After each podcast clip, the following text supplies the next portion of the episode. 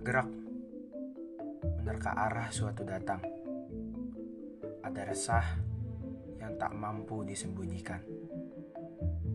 Entah apa yang hendak ia bilang. Begitu. Mulutnya masih saja bungkam. Dan sesekali matanya membulat besar penuh ketakutan. Dan detik berikutnya, dia nampak begitu normal. Cetak senyum di mulut, rasanya hanya sebuah lukis timbul bibir manis mata mahakarya sempurna yang mampu mengelabui siapa saja. Luar biasa. Dia adalah seorang maestro dalam seni ini. Seni untuk terlihat baik-baik saja. Di tengah kesibukannya, meyakinkan diri sendiri, ada rasa yang tak bisa ia tutupi. Dia merasa sendiri. Rasanya dunia, bahkan semesta sedang bekerja sama memusuhinya. Sehingga semua kebaikan bukan sesuatu yang biasa ia terima. Malahan, uluran tangan orang adalah hal mengerikan baginya. Wajar, dia sendiri. Bagaimana cara menerimanya. Di ujung hari, sisi tangguhnya terhapus oleh air mata yang luruh kata akhir sering jadi dekat kalau sudah begini.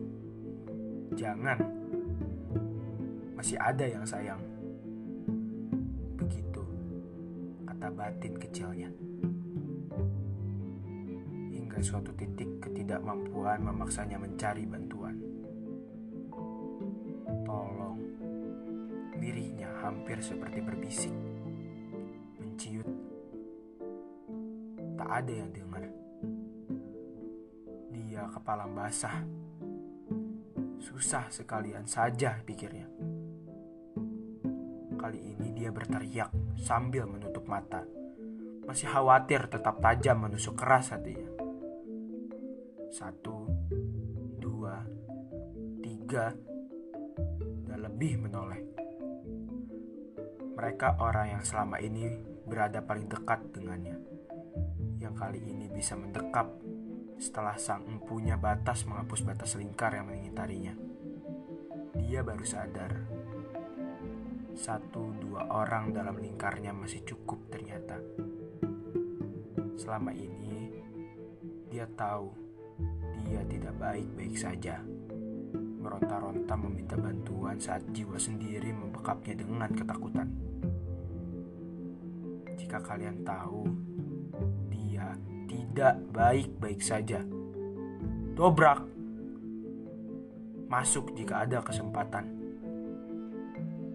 Dia perlu tahu bahwa ada yang sedia membantu. Dia perlu tahu dia berarti.